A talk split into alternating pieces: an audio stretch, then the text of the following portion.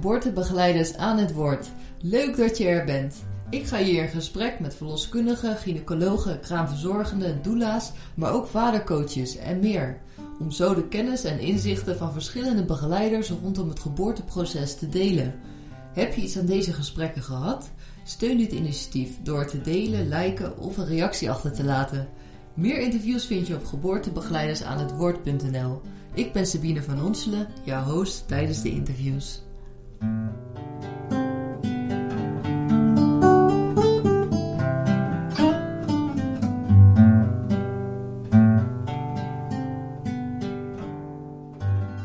Pauline van Berkel is een gepassioneerde geboortefotograaf die door heel Nederland en België bevallingen fotografeert.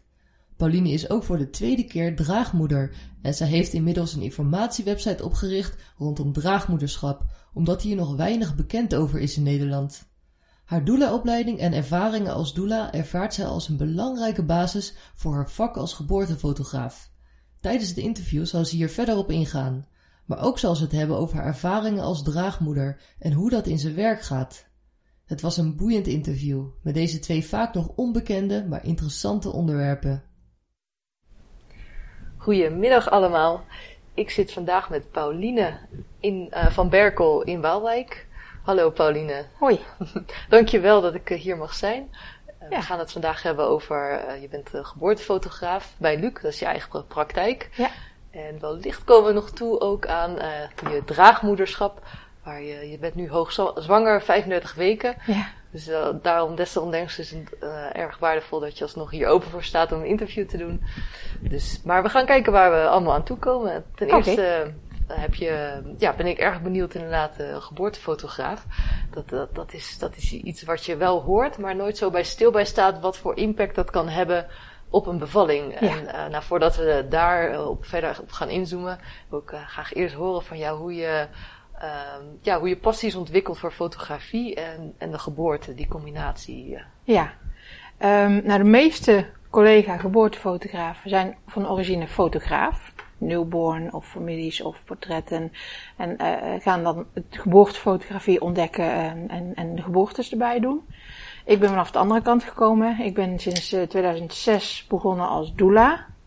En ik heb uh, vier jaar geleden geboortefotografie ontdekt bij mijn eigen laatste, voorlaatste bevalling. En uh, ja, aan de hand daarvan gedacht, dit wil ik ook heel graag. Dus ik ben toen pas eigenlijk begonnen met fotograferen. -hmm. Dus daarvoor was voor jou het niet zo in beeld, uh, fotografie op zich? Nee, uh... nee ja, vakantiekiekjes, maar echt nee, nee. Nee, ja. Zeker niet professioneel. En, en wat, uh, ja, hoe ervaarde je dat zelf om tijdens je bevalling een geboortefotograaf bij te hebben? Ik had een hele fijne geboortefotograaf die tevens doula is. Dat is Sophie Bos. Ja. En ja, dat, die, die was gewoon ontzettend fijn en, en rustig op de achtergrond aanwezig. En als ik al iets van hem merkte, dan was het absoluut positief. Dat, dat, dat was gewoon heel fijn. Ja, en dan, toen zag je daarna die, die foto's en toen dacht je van wauw. Ja, ja. sowieso wauw. Ontzettend mooi om terug te zien. Um, maar de laatste bevalling was ook een draagmoederschap, dus daar zit ook een, een afscheid bij.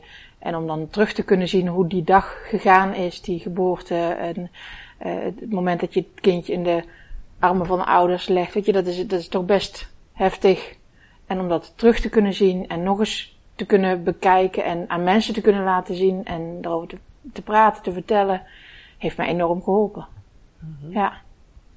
Ben je een cursus gaan volgen? Of ja, ik heb uh, uh, cursussen gevolgd. Ik heb uh, ook een paar privélessen gehad. Um, ja, gewoon de, de, de techniek van fotografie opgepakt. Ik denk als, als doula dat je de belangrijke momenten en hoe een bevalling in elkaar steekt, ja, dat weet je allemaal wel. Maar echt de techniek om daar ook mooie foto's van te maken, daar ben ik toen op gaan, gaan inzetten. En, ja, en toen aan de slag gegaan. Ja, want je was daar voorheen dus uh, een doula, wat je zei, sinds ja. 2006. Um, waarom die omschakeling? Uh, dat is, ben toch, heb je een hele andere rol opeens. Uh. Ja, ja, in eerste instantie was het idee om het erbij te doen. Om mijn doula-klanten ook foto's te kunnen bieden. Maar uiteindelijk heeft het me gewoon helemaal gegrepen. En, en ben ik echt volledig op fotografie gaan focussen.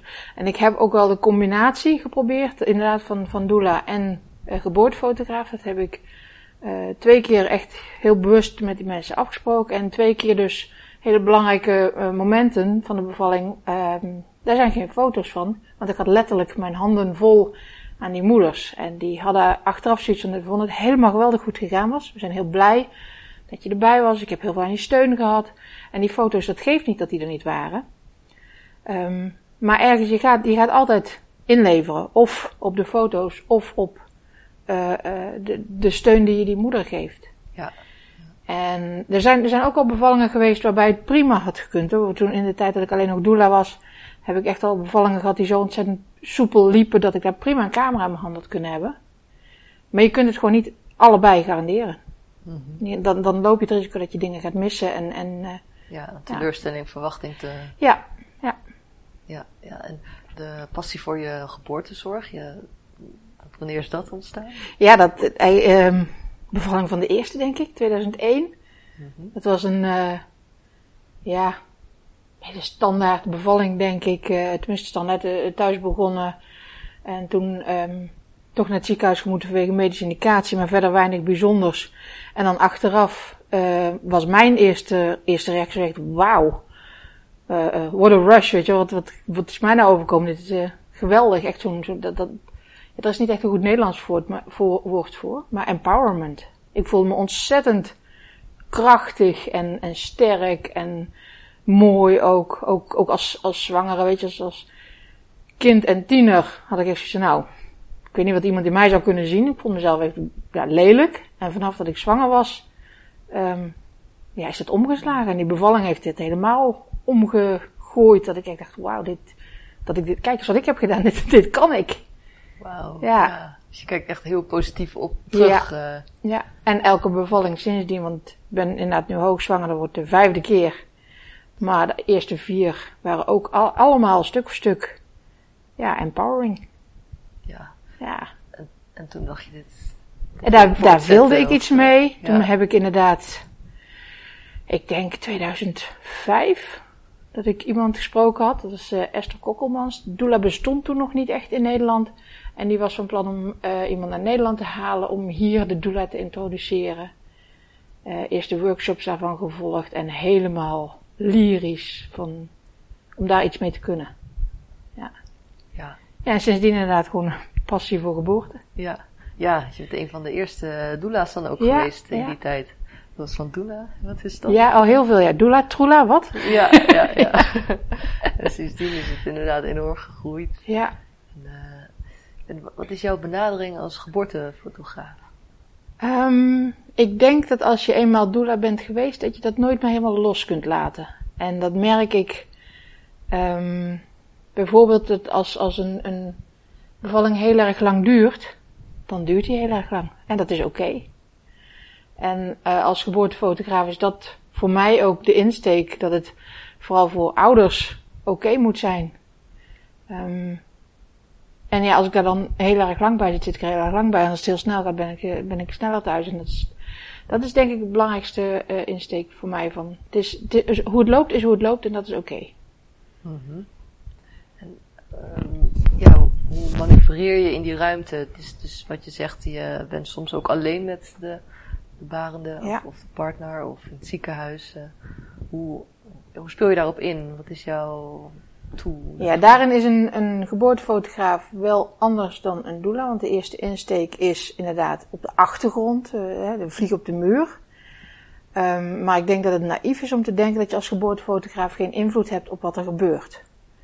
Um, en in dat opzicht uh, denk ik ook dat je, als je je daarvan bewust bent, ook zo kunt opstellen dat, uh, dat, dat de invloed die je hebt dan positief is.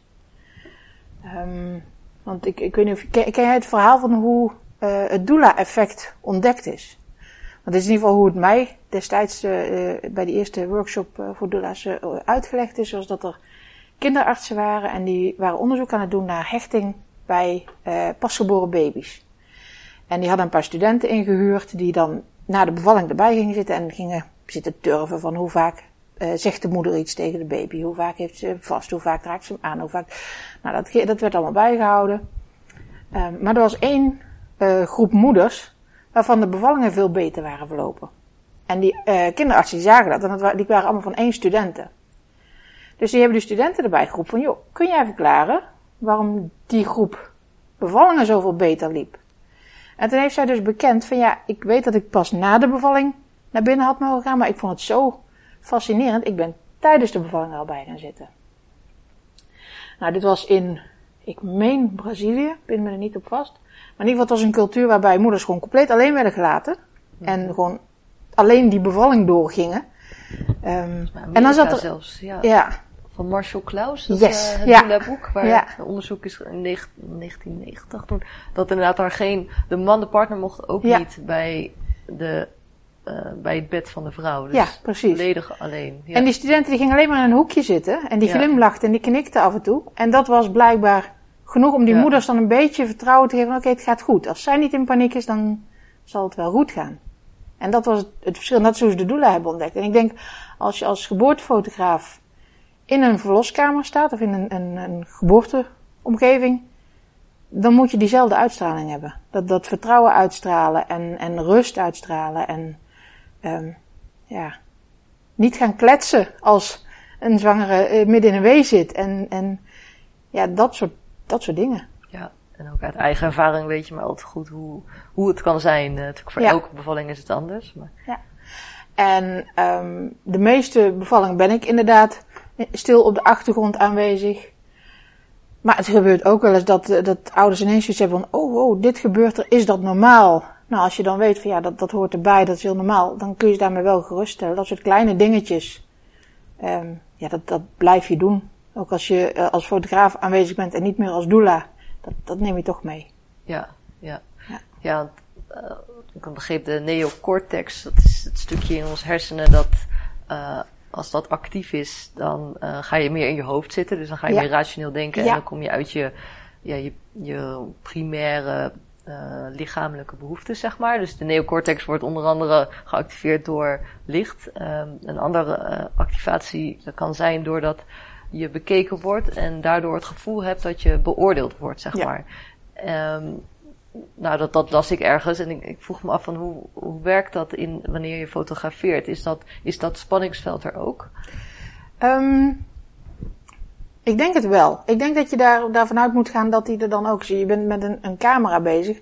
De meeste ouders geven achteraf aan dat ze op een gegeven moment niet meer merkten dat ik erbij was. Dat vind ik altijd heel fijn om te horen. Um, ik ben zelfs een keertje opgebeld van, uh, heb je alle foto's wel? Want die had het idee dat ik er niet meer was, omdat ze helemaal niks meer had gemerkt. Succesvol, ja. Ja. maar ik denk dat je ervan uit moet gaan, ook zelfs als ze aangeven ik heb het niet gemerkt, dat je onbewust wel geregistreerd wordt. En je hebt een camera in je handen, dus mensen toch een bepaald gevoel van bekeken worden.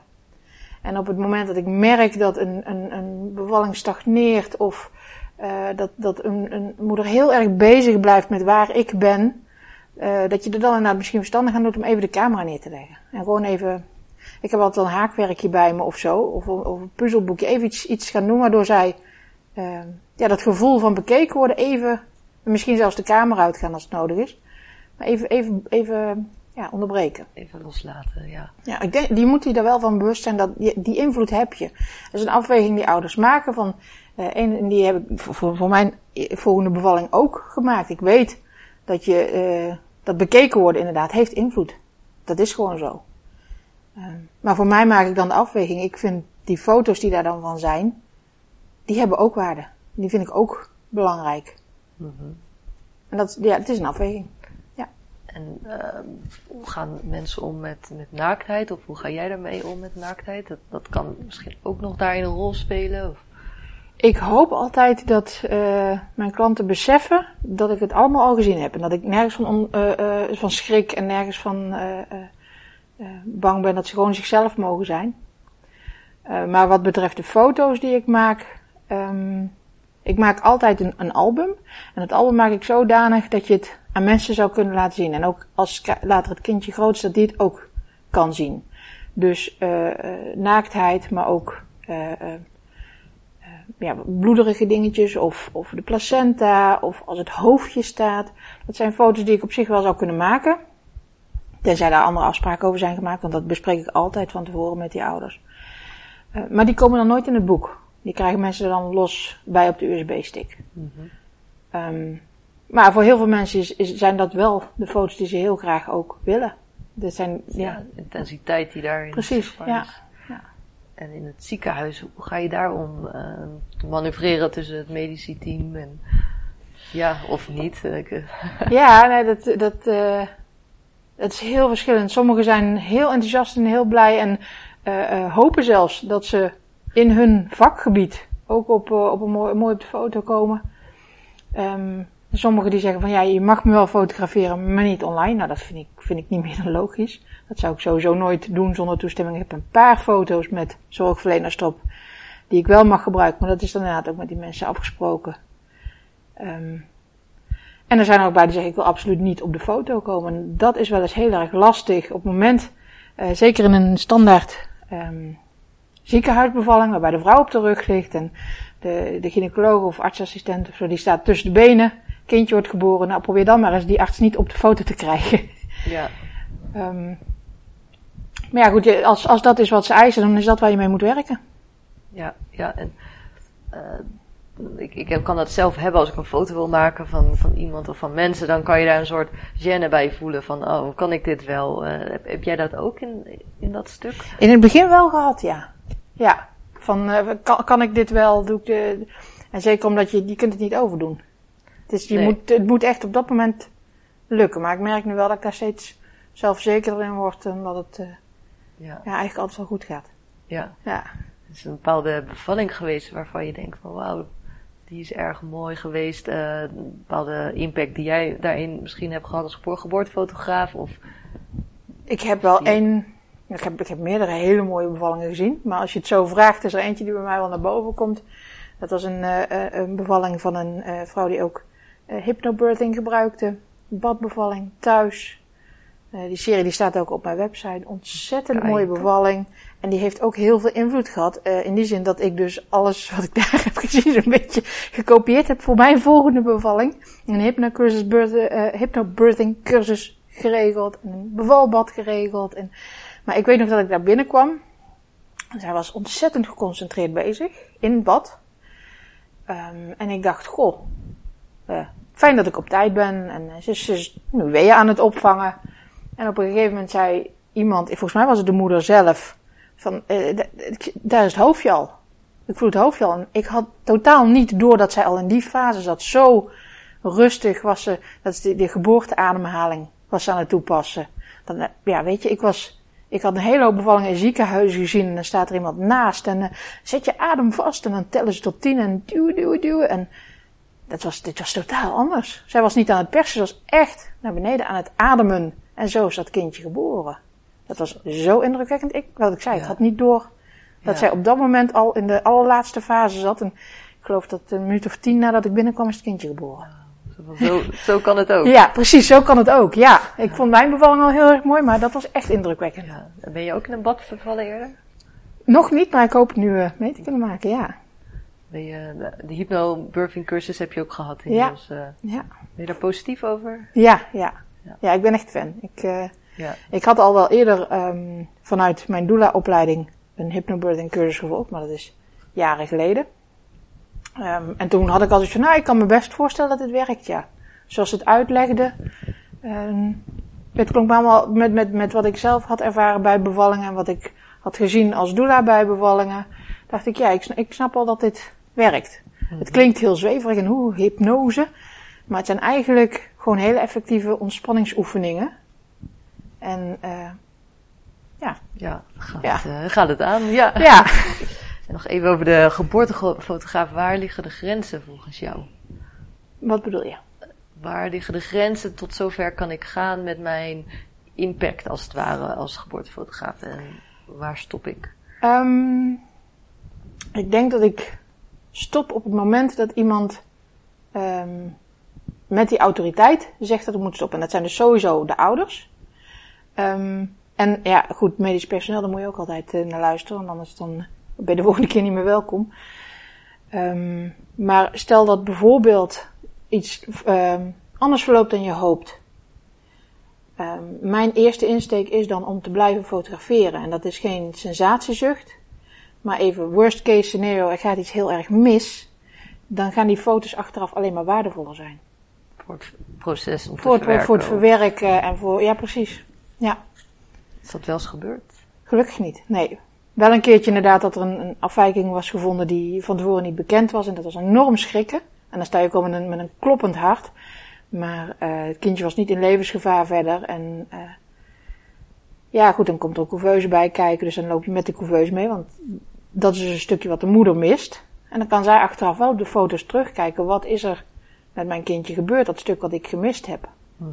Ja, ja. Dus het is meer dan alleen, eh, oh mooi, de foto Ja. van herinnering. Ja, Het is ook een, een soort eh, ja, naslagwerk. eh, ja en, en verwerking. Want je. Elke Ja. bevalling eh, ehm, is op, op zijn eigen manier heftig. En dat kan heftig mooi zijn, dat kan heftig zwaar zijn. En, maar elke bevalling heeft een enorme impact op, op elke vrouw die bevallen is.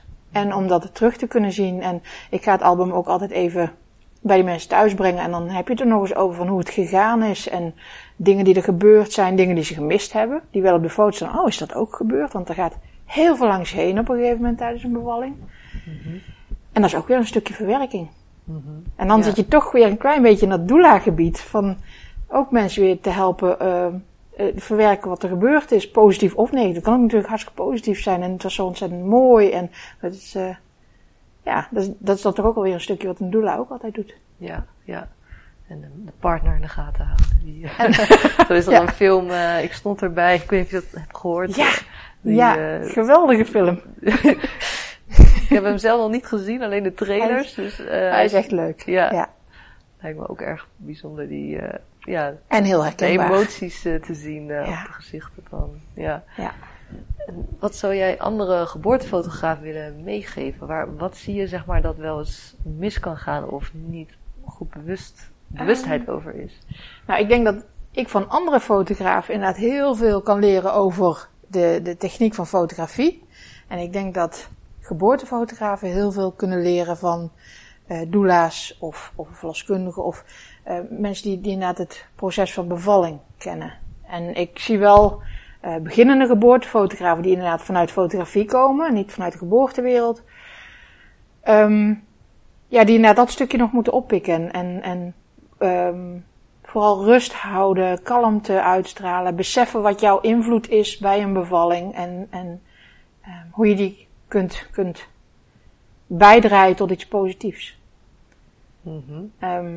Ik denk als een, een, een beginnende geboortefotograaf nooit een bevalling heeft meegemaakt en misschien zelf ook geen kinderen heeft, dat kan behoorlijk indrukwekkend zijn. Zeker als daar inderdaad eh, medische ingrepen bij nodig zijn.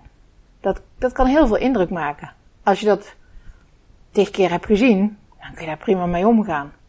Op het moment dat je dat voor het eerst ziet, dat is, dat is indrukwekkend. Ehm, en dat geef je terug. Op het moment dat jij daarvan heel erg onder de indruk bent, dat geef je ook weer terug aan die ouders, die wisselwerking. Pikken dat op. Ja, eh, ik, ik denk wel eens van misschien dat het wel goed zou zijn als geboortefotografen een doula-opleiding of doula-cursus zouden doen, om, om, omdat je juist daar leert hoe een normale bevalling gaat en hoe je een normale bevalling kunt eh, ondersteunen. Mhm. Ja, zo van als, als het nodig is. eh, Ja. En dan niet uitgaan van wat er allemaal mis zou kunnen gaan, maar ook eens uitgaan van hoe gaat het normaal en ehm, wat kan mijn invloed zijn om dat eh, te onderbreken? Wat moet ik niet doen? wat bijvoorbeeld. eh, vrolijk kletsend binnenkomen. Eh, ehm, ja, je, je angst laten merken. Je moet, je moet echt met je eigen angst, die moet je eerst een plek geven. Eerst, eerst ehm, bewustzijn. bewust van zijn en, en ja, vooral proberen hem niet terug te geven aan de ouders. Ja, en dat doet uiteindelijk de foto's ook alleen maar goed. Zeg maar Ja. als je dat Ja. stukje erbij hebt vanuit een ander eh, perspectief te Ja. bekijken naar, naar een bevalling. En heb je zelf ook een geboortefotograaf ingehuurd, Ja. zeg maar? Ja, terecht, ja. Ja, Ja. ja. ja, Sophie komt terug. Eh, oh, echt waar, ja. Ja, dat is de vorige keer ontzettend goed bevallen. En Ja. Wat dat betreft denk ik wel dat het belangrijk is dat als je een geboortefotograaf gaat zoeken, dat je ermee kennis maakt en dat het iemand is waar je een beetje bij op, op je gemak voelt. En, eh, en echt denkt van nou, die kan, die kan ik erbij hebben. ja. En het idee van het kan ook altijd, kan de persoon ook weer uit de kamer Ja, gezet worden, hè? Ja. even zo extreem gezegd. Nou, dat, dat vind ik in ieder geval wel heel erg belangrijk. Dat ik als, als geboortefotograaf mijn plek ken. Dat is echt helemaal onderaan de rangorde.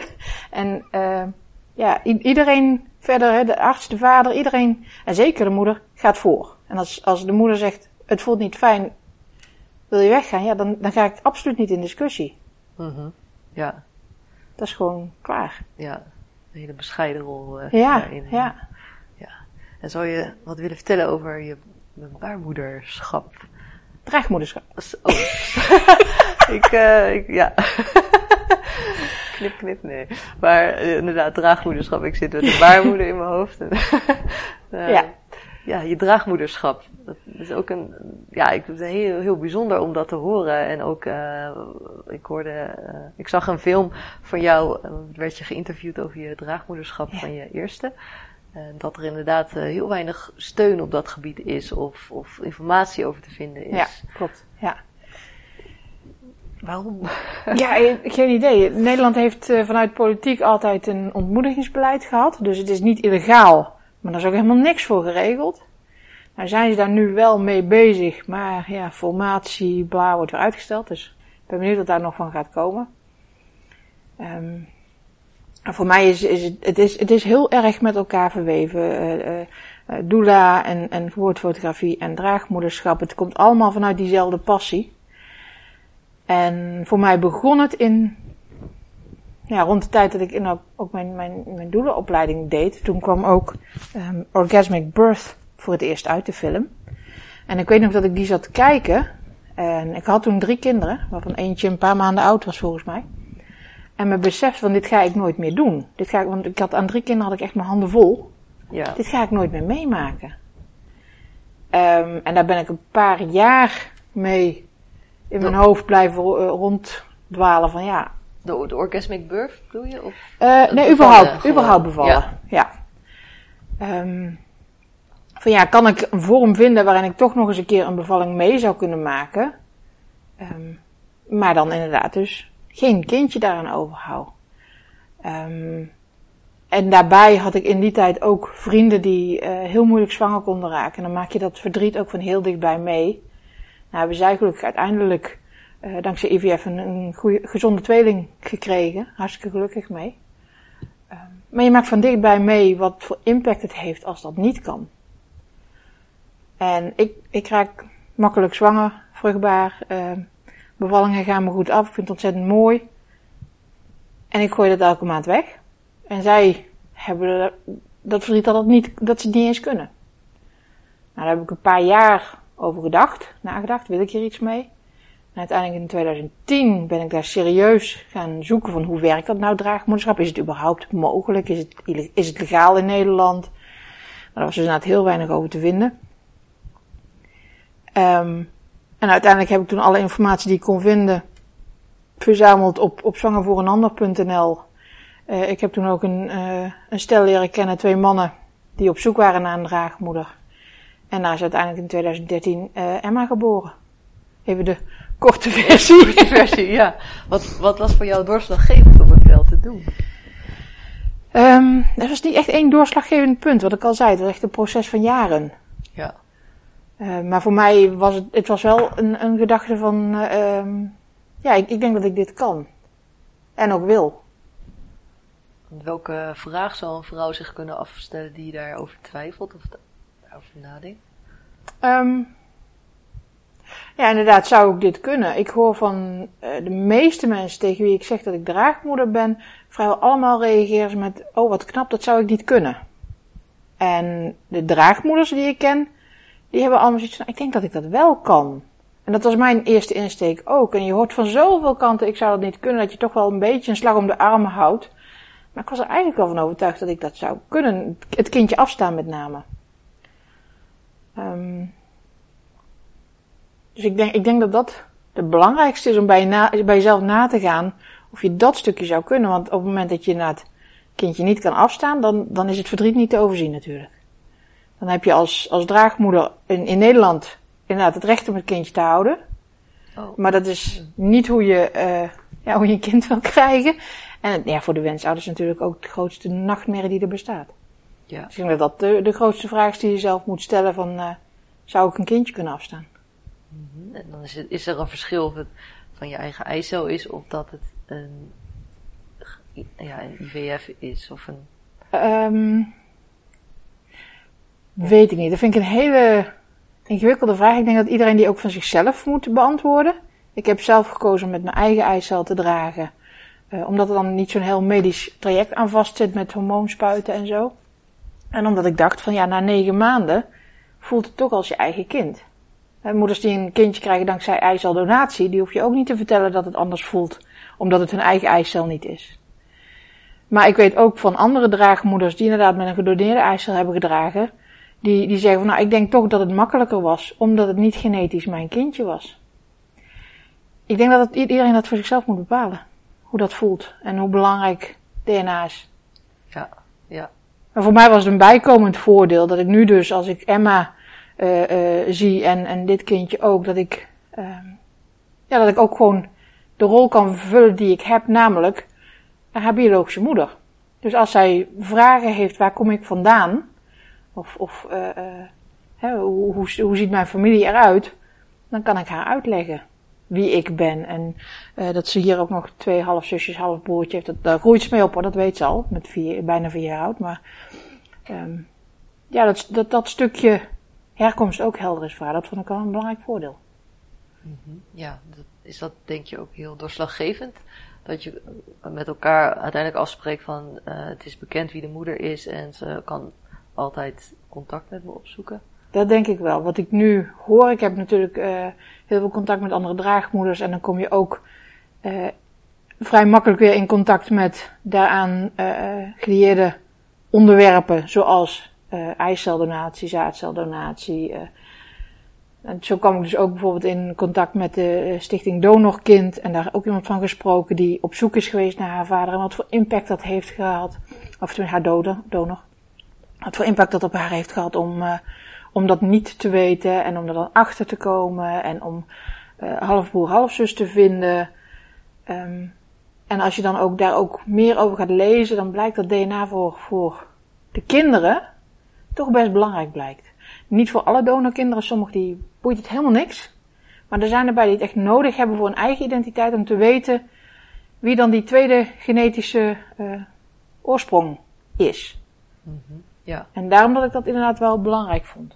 Dat, dat zij hier altijd kan aankloppen, altijd mag weten dat, dat hier Ja. ook een stukje van haar vandaan komt. Ja, en dat is nu ook afgesproken met eh, de Ja. aankomende. Vaders, ja. Ja, Ja, die zien het ook Ja. als voordeel dat dat gewoon open is, dat, dat ze dat altijd mag weten en ja. hier welkom is. ja, en ook wel mooi de constructie dan nu dat eh, voor Emma, dat, dat ze inderdaad ook nog bewust is van andere broers, of eh, twee zussen en een broertje. Ja. half. Ja. En eh, dat daar heel erg veel openheid in is. Dus dat Ja. is ook een bepaalde mindset hoe je dan eigenlijk kijkt naar ja, gezinsvorming en wat is dat dan precies. En, Ja. en eh, hoe open-minded je daarin kan zijn. Ja. ja. Ze is er nu nog niet heel veel mee bezig, maar ik verwacht volgend jaar, in, in november wordt ze vier. En dan gaat ze naar school. En dan krijgt ze natuurlijk klasgenootjes die zeggen, maar waar is jouw mama dan? Wie is jouw mama dan? Dat ze er dan mee bezig gaat van hoe zit een gezin in elkaar? Ik heb twee papa's. Nou, dan zeggen ze dat dat niet kan. Wie, wie is dan mijn mama? En, en hoe werkt dit? En Ja. ik denk dat ze er volgend jaar eh, pas echt bewust mee bezig zal gaan. Ze krijgt nu al echt vanaf dat ze baby was, kreeg ze al te horen van nou, straks komt je moeder op bezoek. En dan kom ik binnen, kijk daar is Paulien. Dus van kleins af aan al de moeder. Mhm. Ehm, maar ik denk dat ze, dat ze, ja, komend jaar verwacht ik dat ze pas echt daar bewust van wordt. Dat, wat dat betekent. Mhm. Ja, ja, ja. Dat is dan ook weer een groeiproces. Ja, En, eh, ja. ja. En de vrouw, voor de vrouwen die hebben gekozen voor dit traject, om dat in te gaan, wat, is, was, wat was voor jou het allerbelangrijkste daarin? Eh, wat je zeg maar nu hebt geleerd? Eh, was het een bepaald manier zwart op wit ding vastleggen? Was het een bepaald onderwerp heel goed doornemen? Ehm, vertrouwen. Juist omdat er in Nederland niks geregeld is, echt helemaal niks, ehm, is het 100% vertrouwen. Want ik als draagmoeder kan inderdaad zeggen van nou, het is heel erg leuk geweest, maar ik heb me bedacht ik hou het kindje. En dan hebben de, de wensouders dus geen poot om op te staan. Maar andersom kan ook. Ik kan hun niet dwingen om het kindje eh, op te nemen in een gezin. Zoals stel het kindje is gehandicapt of zelfs als het gezond is en ze zeggen uh, ja, we zien er vanaf of uh, hun overkomt iets. Uh, weet ik veel, vliegtuig stort neer, geen, geen ouders meer. dan heb ik een kind. En dat zijn gewoon risico's waar je van bewust moet zijn. En waarom ik ook altijd zeg, als je als wensouders een draagmoeder leert kennen, of als je als draagmoeder wensouders leert kennen, neem daar de tijd voor. Nou, veruit de meeste draagmoeders zijn een bekende van de wensouders. Zijn zus, schoonzus, tante, buurvrouw. Dus die kennen elkaar vaak al wel. Maar als iemand is die je nog niet kent, neem daar echt, echt de tijd voor. Want het gaat volledig op vertrouwen in Nederland op dit moment. Er is niks juridisch geregeld. En je kan het allemaal prachtig op papier zetten, maar dat is niet juridisch geldig. De rechter die, die kijkt daar niet eens naar. Het is leuk dat jullie dat hebben afgesproken, maar je kunt niet afspreken dat je een, een kind ter adoptie aanbiedt. Dat, dat kun je niet vastleggen. Ja, dat is inderdaad heel, uh, heel spannend dan om, om dat traject in te gaan voor beide partijen. En, en je hebt uh, deze twee mannen al eerder leren kennen of is dat via een forum gegaan? Of? Uh, deze twee mannen die heb ik leren kennen toen ik een lezing gaf bij de stichting Meer dan Gewenst. Meer dan gewenst. Ja, dat is een uh, stichting voor roze ouderschap. En ik was daar om te vertellen van mijn ervaring uit 2013 als draagmoeder. Ja. Um, ja, en zijn uh, bij het naborrelen aan de praat geraakt. En um, ik was op dat moment al wel een beetje aan het kijken van, goh, zou, ik zou het eigenlijk nog wel een keer willen doen. Want het was een ontzettend mooie ervaring geweest. En uh, ja, zo zijn we aan de, aan, aan de, aan de praat geraakt. En uh, uiteindelijk uh, gaan mailen. En ja, toen ja. heb ik dus verteld dat ik open stond voor nog een nieuw traject. Dus dat was voor hun een hele verrassing. Wauw. Wat is, is er veel vraag naar? Ja, er is veel meer vraag dan aanbod. dan aanbod. Ja. ja. ja. Dus als daar wat meer regulatie in kan komen, in, in de zin van een bepaalde stichting die advies daarover kan uitbrengen, dan kan dat zeg maar, ja, hopelijk, uh, en, en een wetgeving dan waarschijnlijk. Ik, ik denk dat vraag altijd wel groter zal blijven dan aanbod. Maar op dit moment is er helemaal niks mogelijk. Er mag niet bemiddeld worden. Je mag geen advertentie zetten dat je een draagmoeder zoekt of dat je draagmoeder wil worden. Nee, uh, dat, nee, nee, je mag elkaar, je mag elkaar dus, dat is dat ontmoedigingsbeleid wat ik bedoelde. Um, je mag draagmoeder zijn, maar je mag niet uh, op zoek naar wensouders, komt het op neer. Van, vanuit welke wet is dat dan bepaald? Oh, dat, dat, of, dat, of, uh... ik weet het artikelnummer even niet uit mijn hoofd. Maar je mag, ja. je mag daar niet in bemiddelen en je mag niet uh, adverteren of draagmoederschap bevorderen, zoiets was het. Dat is eigenlijk het enige wat er over draagmoederschap concreet in de wet staat. Dat je daar niet in, in voor mag adverteren. Dus je mag elkaar niet vinden. Maar als je elkaar gevonden hebt, is het geen probleem meer. Nou ja, goed, dan is er nog steeds geen goede wetgeving voor. Want dan werk je nog steeds met uh, een adoptieprocedure die je pas een jaar na de geboorte kan inzetten. Nou, ook zoiets raars. Um, een adoptie, oké. Okay, dus... Het gaat echt via, via adoptie. Een van de twee, ja, nou ja, dat is heel gedetailleerd. Als, als de draagmoeder niet getrouwd is, kan een van de twee wel erkennen. Dat hebben wij nu ook gedaan. Um, maar de andere die moet inderdaad wachten tot een jaar voordat hij kan adopteren. Dat is dan die ja. partneradoptie, stiefouderadoptie komt ja. geloof ik meer. Ja. En met twee mannen, ik ben gewoon benieuwd, hè, van, uh, hoe bepaal je van wie dan de spermacel komt? Uh, ja, dat, dat heb ik aan hun overgelaten. Die keuze hebben ze inderdaad zelf, zelf gemaakt. Je moet daar inderdaad, ja, je moet er een keer, ik weet dat er ook, ook uh, wensouders zijn, twee, twee wensvaders, zeg maar, koppel, die het gemixt hebben en aan het lot overlaten. Um, maar ik heb er zelf voor gekozen om dat niet te doen, omdat ik het ook belangrijk vond voor het kindje om te weten wie dan de vader is, uh, zonder dat er een ingewikkelde DNA-test aan, aan, aan, te pas moest komen. En um, omdat ik, zeker bij Emma, die, die twee vaders wilden allebei eigenlijk wel heel erg graag de biologische vader zijn. Um, denk ja, dan wil je niet in de kraamweek een DNA-test doen en er dan achterkomen dat jij niet die biologische vader bent. Die, die, ja. dat was dan inderdaad voor hun een hele bewuste keuze geweest en ook best een moeilijke keuze. Mm -hmm. Maar wel eentje die ze voor de zwangerschap dus al ook een plekje hadden gegeven. Ja, en dan ook in, uh, in stemming met jou dat daar wel over gesproken wordt. Van dat jij ook bepaalde ja, uh, wens in kan hebben, zeg maar. Wat jij wilt. Dat het dan niet willekeurig is, maar wel um, wordt. Nou, ik, heb, ik, ik, ik, was wel degene die aangaf van ja, door elkaar gooien, dat vind ik niet zo'n goed idee. Omdat ik bang ben dat dan als het kindje geboren is, dat je dan die teleurstelling tegen gaat komen als jij niet diegene bent. Ja. Maar uh, wie van de twee het dan werd, heb ik echt volledig aan hun overgelaten. Daar had ik ook niet echt een voorkeur in, want ik vond ze allebei geweldige vaders.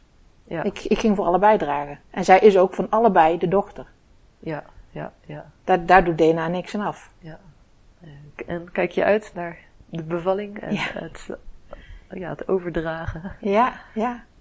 Ja, ik had uh, bij Emma inderdaad verwacht dat het moment dat je dan dat kindje in hun armen legt, dat ik dan echt enorm zou moeten huilen of moeilijk zou vinden. Maar dat was eigenlijk het mooiste moment van alles. Want die, die blijdschap van die vaders en, en weet je, dat, dat is waar je het voor gedaan hebt. Ja, daar, daar kun je niet verdrietig bij zijn. Dat was zo mooi. En een volledig vertrouwen dat zij in goede handen is. En dat, dat merk ik nu nog elke dag. Dat zij gewoon bij hun in, in, goede handen is en uh, ja, hun prinsesje. Ja, uh, ja, ja, ja, zo. de belofte, als, als je zo gewenst bent en zo ja. uitgekeken bent, dat uh, lijkt me erg mooi. Ja. Nou, ontzettend prachtig. Wil je, zou je nog iets willen toevoegen in, als laatste op het gebied van draagmoederschap of geboortefotograaf? Um, willen mee willen geven? Ja, nee, uh, ik, ik um, goh. qua geboortefotografie uh, vooral doen, want je hebt een ontzettend mooie herinnering aan. Maar ja, goed, dat is ook wij van WC Eend natuurlijk. um, ja, en, en draagmoederschap als mensen meer willen weten, uh, zwanger voor een ander.nl. Daar heb ik geprobeerd zoveel mogelijk informatie te verzamelen over het juridische deel, over het emotionele deel, over hoe het in zijn werk gaat. Oké, dan gaan we die uh, op de website zetten. Ja. En, uh, nou, die bent inderdaad inmiddels al bijna een consultant uh, met twee ervaringen of de ja. tweede opkomst. Dus ja. ik denk dat, ja, dat je een steun kan zijn voor mensen die daar. Ja, en ze mogen altijd contact opnemen. Ja. ja. Nou, ik wil je bij deze ontzettend bedanken voor het interview. Heel graag gedaan, je ook bedankt.